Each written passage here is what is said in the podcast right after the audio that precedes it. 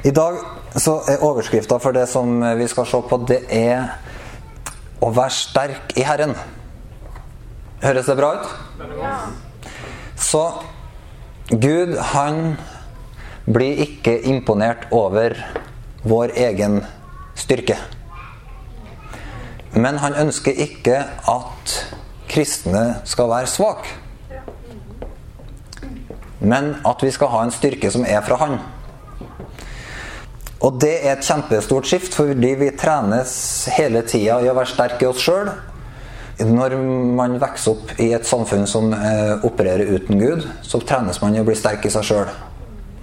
Men vi, når vi blir født på ny, så trenes Gud oss i å bli avhengig av Han. Og det å stole på Gud og bygge på Han og være avhengig av Han, det gir oss en styrke i livet.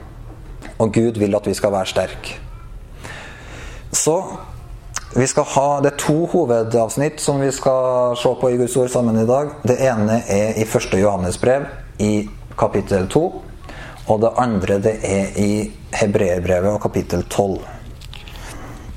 Så hvis du skal gjøre notater, så kan du bare notere deg de to kapitlene. Men vi skal begynne i 1. Johannes brev. Og der eh, har Johannes han skriver til de kristne der om eh, vekst. Det å vokse Guds type vekst.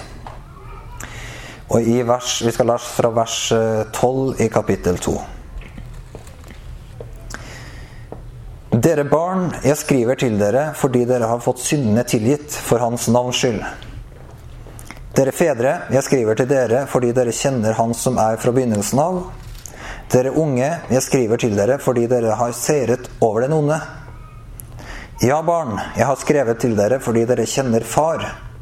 Dere fedre, jeg har skrevet til dere fordi dere kjenner Han som er fra begynnelsen av. Dere unge, jeg har skrevet til dere fordi dere er sterke. Guds ord blir værende i dere, og dere har seiret over den onde. Så her beskriver Johannes tre sånne stadier av vekst i livet med Gud. Og der han snakker om at vi går fra barn til å bli ung, til å bli ikke, Han bruker ikke ordet voksen, men han bruker fedre eller foreldre. Så det er en utvikling i det, si, det åndelige livet vårt som som er en sånn normal vekst. Og det som jeg har lyst til å se på nå, det er det som han skriver om å være barn og om å være, bli ung. Fordi den store Man kan si litt mer enn det jeg sier nå, da. Men det store skiftet fra ungdomstid til å bli foreldre, det er at man får barn. Okay? Det er egentlig den store overgangen. Kristian er enig. Det er Man blir ung, man blir sterk, og så er overgangen til å bli foreldre er jo ikke noe, egentlig noe annet enn at man får barn. Sånn er det i det naturlige, og sånn er det i det åndelige Han sier noe mer om å være fedre her, som går på et perspektiv i å kjenne Gud. Han som er fra begynnelsen. Men det skal vi ikke gå inn i. Så Det vi starter med her, det er at uh, han sier Dere barn, jeg skriver til dere fordi dere har fått syndene tilgitt for Hans navns skyld. Uh, så her snakker han om noe av, av det som kjennetegner oss i, i, i Eller kjennetegner da alle som har blitt født på ny, det er at vi er barn fordi vi vet at vi har fått syndene tilgitt for Hans navns skyld. Og det er veldig Det er et veldig viktig poeng. Fordi at eh, når vi snakker om å bli ung og sterk, så er det sånn at uh, av og til møter vi utfordringer i livet som gjør at vi ikke opplever seier han, han skriver dere unge, dere seirer over den onde. Men før du blir ung og seirer over den onde, så er du et barn. Og av og til så møter man en utfordring i livet som gjør at man trenger å komme tilbake til de tingene som man vet at man vet, fordi du er et Guds barn. Og en av de tingene som du må vite at du vet, det er at syndene dine er tilgitt for hans navns skyld. Det er veldig det er, For hans navns skyld. Det er en sånn veldig viktig presisering. Fordi når eh, Av og til så, så opplever vi at vi mislykkes i ting som vi har tenkt det her skal vi få til. Denne eh, kampen vil jeg vinne. Og så opplever du et tap. Eller du opplever et nederlag i forhold til synd. Og så er det en, det er det en sånn grunnleggende refleks i livet vårt at Hei, Um, siden uh, Siden jeg mislyktes her, så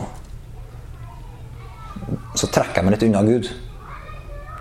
Folk som faller i synd, har av og til en sånn grunnleggende tendens til at du går inn i sjølforglemmelse og gjør sånn som Adam, gjemmer seg for Herren.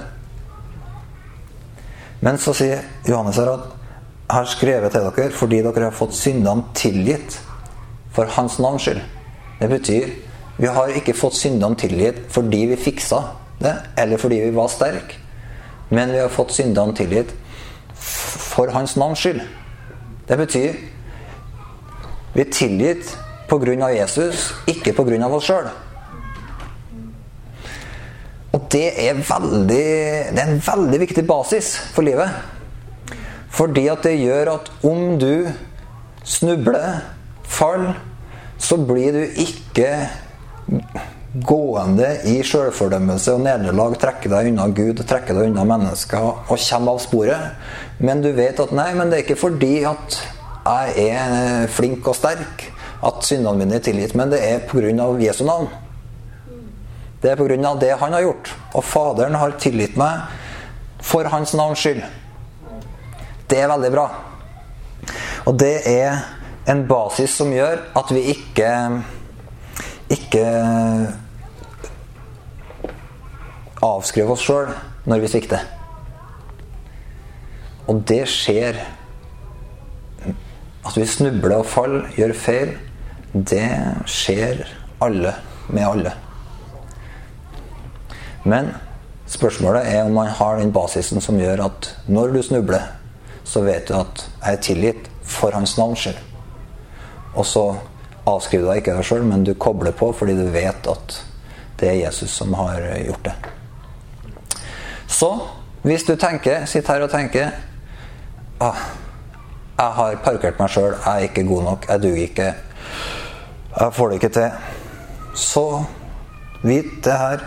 Du er tilgitt for hans navns skyld. Gud har tilgitt deg. Tilgi deg sjøl.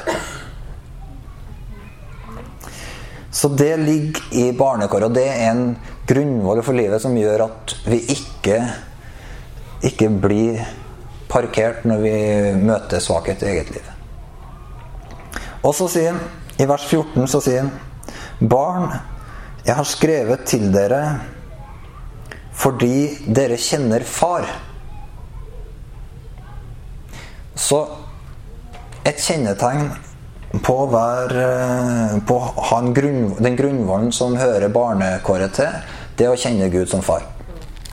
Og der er det mange ting som man kan si, og en av de første tingene som vi tenker på når vi forstår at Gud er far, det er jo det eh, noe av det som vi var inne på i forhold til det med eh, syndene som er tilgitt for hans navns skyld. Det er nemlig at Gud er en far som gir ubetinga kjærlighet. Guds farskap er ikke betinga, men det er ubetinga, og det bygger på Kristus. Han har pga. Jesus gitt oss rett til barnekår hos seg. Så hele, hele grunnlaget for å, seg, for å, forholde seg til Gud som far, det har med det her eh, Det at vi vet at Gud har elska oss ikke pga., men bare fordi han av egen fri vilje, ut av sin egen kjærlighet. Men vi skal ta og se litt mer på um, en side av Guds farskap som er beskrevet i Hebreerbrevet og kapittel 12.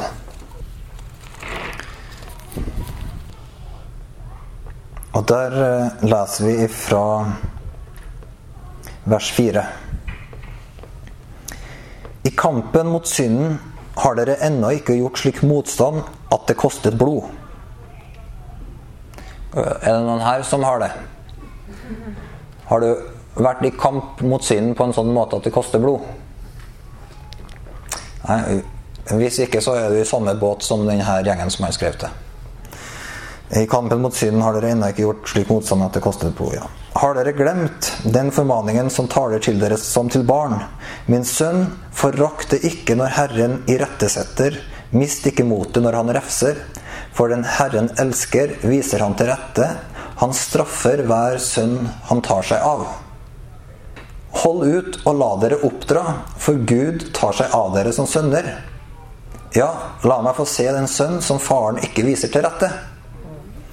Hvis dere ikke blir vist til rette som alle andre, er dere ikke sønner, men uekte barn. Vi har hatt våre jordiske fedre som oppdro oss, og vi hadde respekt for dem. Har vi ikke mye større grunn til å bøye oss under åndenes far, så vi kan vinne livet? For fedrene viste oss til rette bare en kort tid, og slik de selv syntes var best. Men han gjør det til vårt beste, for at vi skal få del i hans hellighet. All irettesettelse synes nok å være mer til sorg enn til glede mens den står på, men siden gir den tilbake fred og rettferd som frukt hos dem som er blitt oppøvd ved den. Derfor, styrk de slappe hender og de vaklende knær, la føttene gå rett fram på veien, så det halte ikke blir vridd ut av ledd, men heller blir helbredet.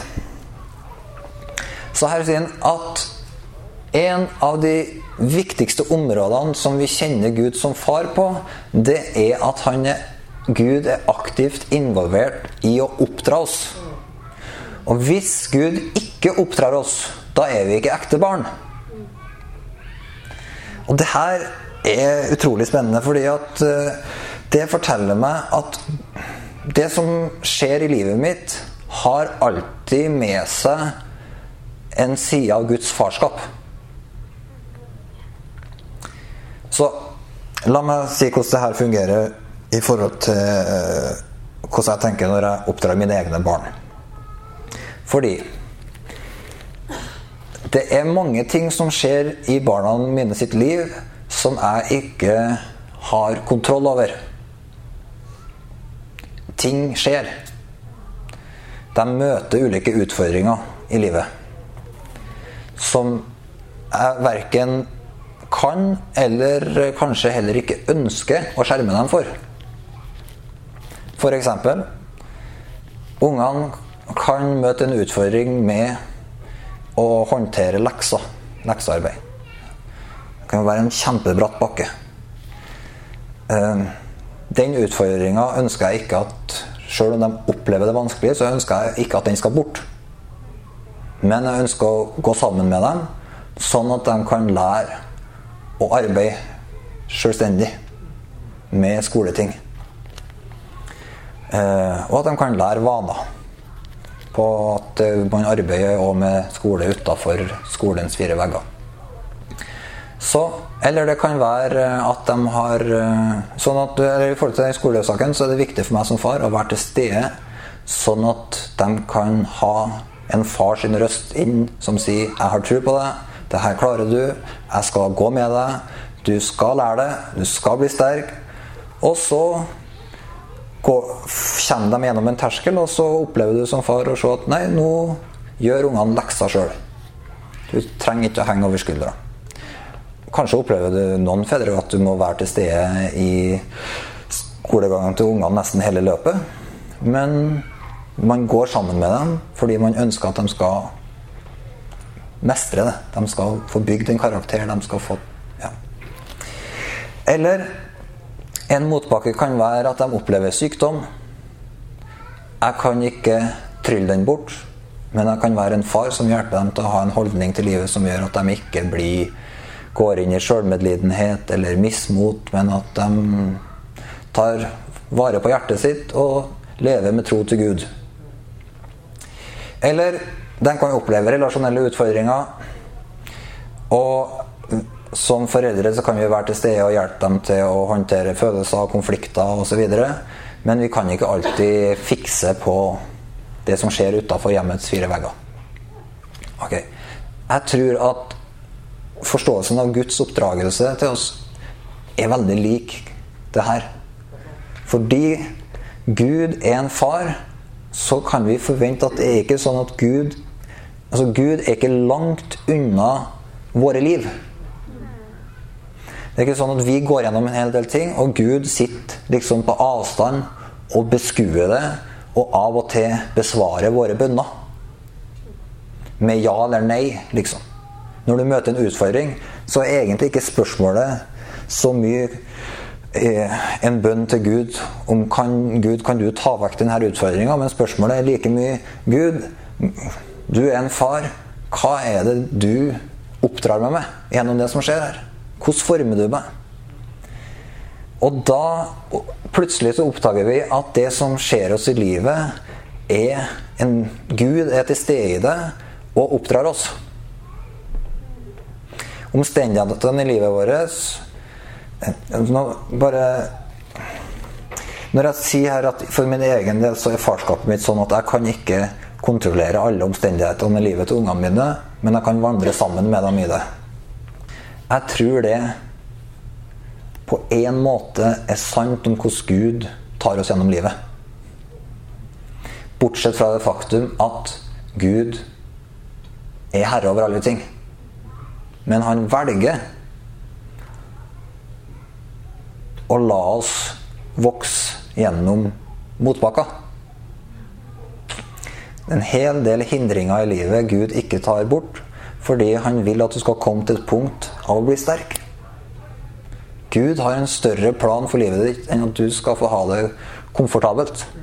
Men han bygger inn i deg sin styrke, sitt liv, sin karakter, som gjør at senere, når du har lært å håndtere denne motbakken, så senere når du kommer i samme situasjon, så, så har du funnet ut hvordan du finner hjelp foran nådens trone og håndterer det. Eh, så Gud er en god far. Han oppdrar oss. Eh, og jeg tror at eh, Jeg vil bare ha deg med én en side her. Fordi at I vers 9 så sier han Vi har hatt våre jordiske fedre som oppdro oss, og vi hadde respekt for dem har vi ikke mye større grunn til å bøye oss under åndenes far, så vi kan vinne livet. For fedrene viste oss til rette en, bare en kort tid, og slik det selv syntes var best, men han gjør det til vårt beste for at vi skal få del i hans hellighet.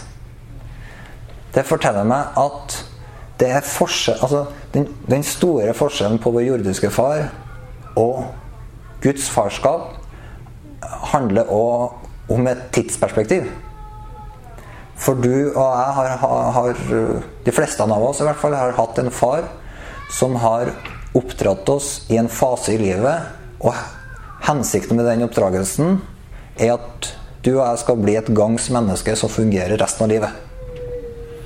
Men Guds oppdragelse handler ikke bare om det livet i tida her og nå. Men Gud former oss for at vi skal få del i Hans hellighet og det er en oppdragelse som handler om et tidsperspektiv som er mye større enn tida mellom fødsel og gravstein. Det har med evighet å gjøre. Gud bygger, Guds farskap bygger ting inn i livet ditt her og nå som har med Hans hellighet å gjøre, og med det evige livet å gjøre. Er ikke det kult? Som betyr at når du møter en motbakker eller en utfordring i livet ditt her og nå, som du ikke finner svar på, så kan du òg vite at en del av de tingene som skjer meg her i livet, handler om at Gud former sin hellighet for meg for alle jeg vet av. Karakteren din kan ingen ta fra deg. Ikke Ingenting. Det er noe Gud bygger inn. Hans hellighet blir forma i oss med et evighetsperspektiv. Det, det er litt interessant. For meg så er det litt en én side av det her. Det er, tenker jeg, Det å forstå at uh, Gud oppdrar oss inn i et evighetsperspektiv, det tenker jeg òg er en del av uh, svaret på en del av de meningsløse tingene som vi ikke forstår noen ting av. Fordi at vi bare forstår, prøver å forstå livet innafor rammene av uh, tida før oppstandelsen. Den kan du grunne litt på. Det var en sånn juicy ekstra. Ok, men Guds oppdragelse den kommer gjennom to, uh, det som står her, tukt og irettesettelse. Så det betyr det er en del ting som skjer oss, som vi trenger å lære av. Og når det snakkes da både om, om en, altså en oppdragelse og en irettesettelse, så tenker jeg at det er en del ting som skjer oss i livet som vi trenger å dra lærdom av. Men i det som skjer oss, så er Gud òg til stede med sitt ord. Så det betyr, skal du leve i farskapet til Gud, som hele tida oppdrar deg, så er det her ordet, at det kommer til deg rikt monn, kjempeviktig. Fordi at når det ordet her kommer til deg, så er det alltid det Gud gir deg for å bli sterk, eller for å ta imot den oppdragelsen som du kan lære i det du går gjennom akkurat nå. Guds ord kommer til deg for å gi deg det du trenger akkurat nå. Så, så Gud tar det hele tida inn i livene våre gjennom sitt ord. Og det ordet som kommer til oss, det handler først og fremst om det som skjer i livet vårt akkurat nå. Så jeg har i hvert fall tenkt at alltid når jeg kommer til Guds ord, så ønsker jeg å lese Guds ord for å få tak i det ordet som hjelper meg, eller som ordet fra Gud, for dagen i dag. Og for den situasjonen jeg er i. Ok. Så det, tenk, det, å vite at Gud er nær på en sånn måte at han tar det inn i livet vårt her og nå, han er til stede i utfordringene, det er en grunnleggende erfaring av det å være Guds barn. Gud er en far. Han er ikke langt unna, men han oppdrar oss i det som skjer. Ok, skal vi gå tilbake til 1. Johannes brev. Skal vi se på ungdommens styrke. Og så vi har med oss barnekåret. Gjør oss sterke på det området at vi forstår at syndene er tilgitt, ikke pga. at vi mestrer ting, men for Hans navns skyld. Og vi erfarer Gud som far, hans ubetinga kjærlighet og hans nærvær, oppdragende nærvær i livet. Og så skriver Johannes at uh, uh, dere unge jeg skriver til dere fordi dere har seiret over den onde. Og så skriver han igjen i vers 14 eh, så sier han dere unge, jeg har skrevet til dere fordi dere er sterke. Guds ord blir værende i dere, og dere har seiret over den onde. Så eh, i første henvisninga så sier han at dere, dere unge jeg skriver til dere fordi dere har seira over den onde. Det betyr at for å komme inn i det som Guds ord kaller ungdommens styrke da, i vandringa vår med Gud, så trenger vi å ha erfaringer av å bli testa og å møte utfordringer og å vinne seier. Så det og det, så du, det er en styrke man ikke kan få uten at man har gjort noen ting. Og da skal vi ta med oss et klokt ord fra en vis mann som heter Nils Arne Eggen.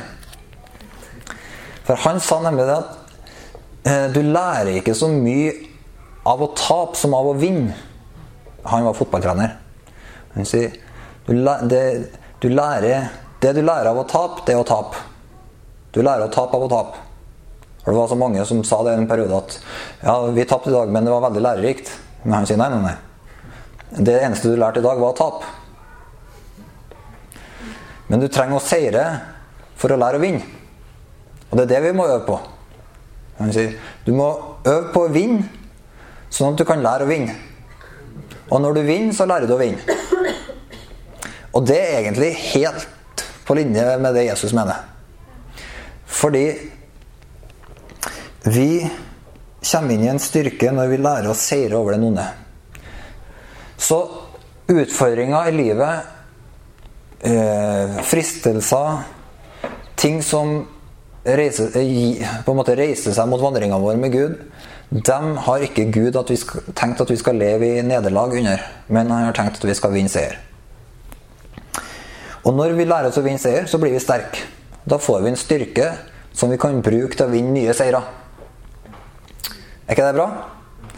Så seierserfaringa gir deg en styrke som du kan gjenbruke til å vinne nye seire med.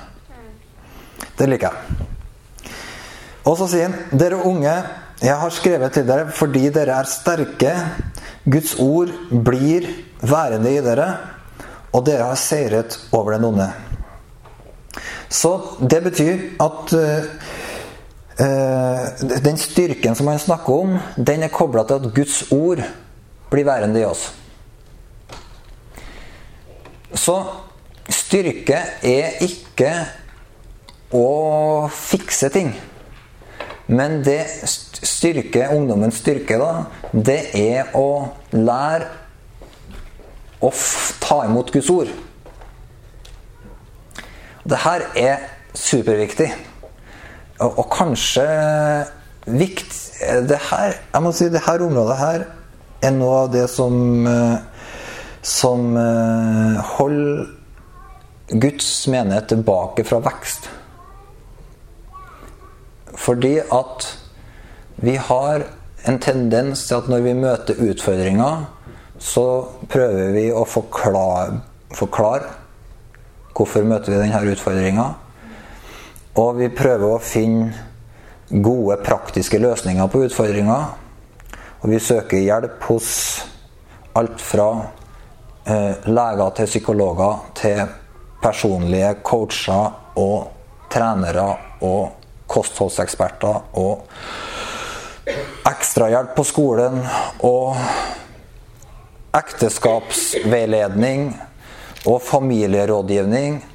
Men Gud sier at hvis du skal bli sterk, så må du finne Guds ord. Du blir sterk fordi Guds ord. Og det er, det er helt avgjørende for å se Guds type vekst. Vi kan møte utfordringer, men vi kommer ikke videre i en vekst med Gud fordi vi ikke finner Guds ord. Men når du finner Guds ord i situasjonen, og finner Guds hjelp ved ordet, da kan du oppleve at du ikke bare finner en løsning på utfordringa du står i, men du får en styrke med, og en seier med i det. Ok? Så, og det her er kjempeviktig i alle typer utfordringer. F.eks. hvis du opplever en situasjon av gjentagende konflikter i ekteskapet ditt. Ikke, ikke prøv å bare finne en, en minnelig løsning og forhandle deg fram til en sånn avtale på praktiske ting. Men gå til Guds ord. Finn en hjelp som gjør at, i ordet som gjør at nytt liv fra Gud bryter fram i situasjonen. Og du kan si vi hadde en utfordring, og ordet fra Gud kom til oss, og det sa, kanskje det sa 'tilgi hverandre'. Eller ordet fra Gud sa 'korsfest kjøttet med dets lidenskaper og lyster'. Eller ordet fra Gud sa 'bær over med hverandre'. Eller ordet fra Gud sa 'elsk hverandre'. Eller ordet fra Gud sa Du, mann, gi livet ditt for ektefellen din, sånn som Kristus ga seg sjøl for menigheten. Eller ordet fra Gud sa Du, kvinne, lev med ærefrykt for mannen din. Ta imot nåde. Så eh, Eller og så videre og så videre. Men la utfordringa bli en anledning til å finne styrke hos Gud, fordi seieren kommer fra Jesus. Og hvis vi skal være tro mot evangeliet som Gud har gitt oss, så trenger vi å ære for å vinne seier fordi Guds ord. Sånn at Fordi at du kan se på det, det har aldri blitt svidd av mer timer på familierådgivning og ekteskapsveiledning i dette landet her enn i 2017. Og aldri har tallene vært noe verre enn nå heller. Men vi trenger et svar, og vi trenger noen folk som finner en styrke som er et svar for verden fordi de har funnet det i Guds ord. Verden lengter etter sånne som oss, som kjenner Gud og finner hjelp i ordet. Det samme gjelder for alle utfordringer som vi møter i livet. Ikke spring først til verden. Spring til Jesus. Vær på kne. Leit. Søk i ordet. Og når du finner et ord fra Gud, omsett det i livet. Og når du gjør det, så lærer du en helt ny måte å leve på. Der du kommer inn i et seiersliv og ikke blir gående i de sporene av nederlag. Vet du, Å ta seg sammen, det gagner bare kjøttet. Når du tar deg sammen og fikser ting, det eneste det gjør for meg, er at det gjør deg litt stolt. Men hvis du finner nåde i Guds ord, så blir du en, et helt annet menneske. Da forstår du Jeg fikser det ikke. Jeg trenger Jesus, og Jesus hjalp meg. Og jeg trenger hver dag Hans nåde. Og jeg trenger hver dag Hans ord. Og så begynner du å leve ved livets tre istedenfor kunnskapens tre. Som er den store kløfta mellom Guds rike og mørkets makt. Så det fins så mange sånne fine menneskelige grep og teknikker når vi møter utfordringer. Det samme gjelder i barneoppdragelse. Hjelp ungene inn i ordet. Ikke gi dem dine ti beste råd, og så la det bli med dem. Men start med å ta dem med til Guds ord. Når de har sorg i hjertet sitt, lær dem å øse hjertet ut for Jesus. Ikke kjøp godteri, liksom. Og prøv å sette på en god film og lage god stemning. Nei, nei, nei. nei. Lær dem å øse hjertet sitt. Ok. Amen. Og så står det fordi dere er sterke, Guds ord blir værende i dere. Så når vi har funnet et ord fra Gud, så er det noe med at det her ordet Det må bli i oss gjennom at vi ikke lar det fly forbi. Ok? Så hvis du tenker at Guds ord er som en som kommer innom, så må du sørge for at det blir værende. Hvis Guds ord er liksom eh, melkebilen som kjører forbi huset med mange flasker melk Det her er jo fra Greta, husker du den tida? Med melkebilen. Ja. Den, vi har ikke melkebil akkurat nå. Nå går vi på butikken og kjøper melk. Men la oss tenke at melkebilen kjører forbi huset. Måten melka blir værende på, det er at du drikker den. Først så kjøper du den, får den inn i huset, så drikker du den. Ikke la den kjøre forbi. Det, må bli værende. Og Sånn er det i forhold til det her å bli sterk ved Guds ord. Du må ikke la ordet bare komme og reise videre, men måten det får bli hos oss, det at vi tar imot det spiser det og begynner å leve ut fra de kildene. Og da finner vi en styrke. Så jeg skriver til dere unge, har skrevet dere fordi dere er sterke. Guds ord blir værende i dere, og dere har seiret over den onde. Og det, eh, den der grunnvollen da, av Guds tilgivende nåde som basert på hans navn og ikke på hvert eget liv. Guds farskap, han som er til stede i alt som skjer i livet. Og den erfaringa av seier som gjør oss sterke fordi vi seirer ved Guds ord. Det er en sånn basis for livet som gjør at, eh, at vi kan se eh, foreldre som blir stødige, stabile, trygge, åndelige foreldre i Guds hus. For nå skal jeg fortelle en hemmelighet som ikke, ikke, mange vet. Men det er sånn i Guds rike at når vi begynner å vinne seier i eget liv ved hjelp av Guds ord, så kan vi bruke erfaringer av seier og gjennombrudd inn i andre mennesker sitt liv. Dette er en, dette er en skikkelig nøkkel for oss. Fordi at eh, hvis vi håndterer livet vårt ved hjelp av gode råd, coaching, trening, psykologi, skole, bøker, fag. Så har vi ingen seier å gi til andre mennesker, men hvis vi lærer oss å seire ved Guds ord, så kan vi være åndelige foreldre som er med å hjelpe folk til å erfare at Guds rike vinner seier i livet deres. Og den styrken, den åndelige styrken, den trenger vi desperat for å være med og se at folk blir løst fra mørkets makt og satt inn i Guds elskede sønns rike.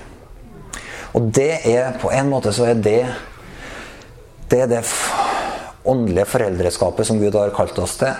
Åndelig foreldreskap er ikke bare å skape rammer, lag fellesskap, eh, samle folk til samlinger osv. Men det er åndelig foreldreskap er først og fremst å ta del i den oppdragelsen fra Gud. Og gi den, oppdra den oppdragelsen som vi sjøl har fått, og gi den videre til andre mennesker, så de kan lære, å, lære barnekåret, lære å finne hjelp hos Gud, lære å bli sterk og erfare å seire.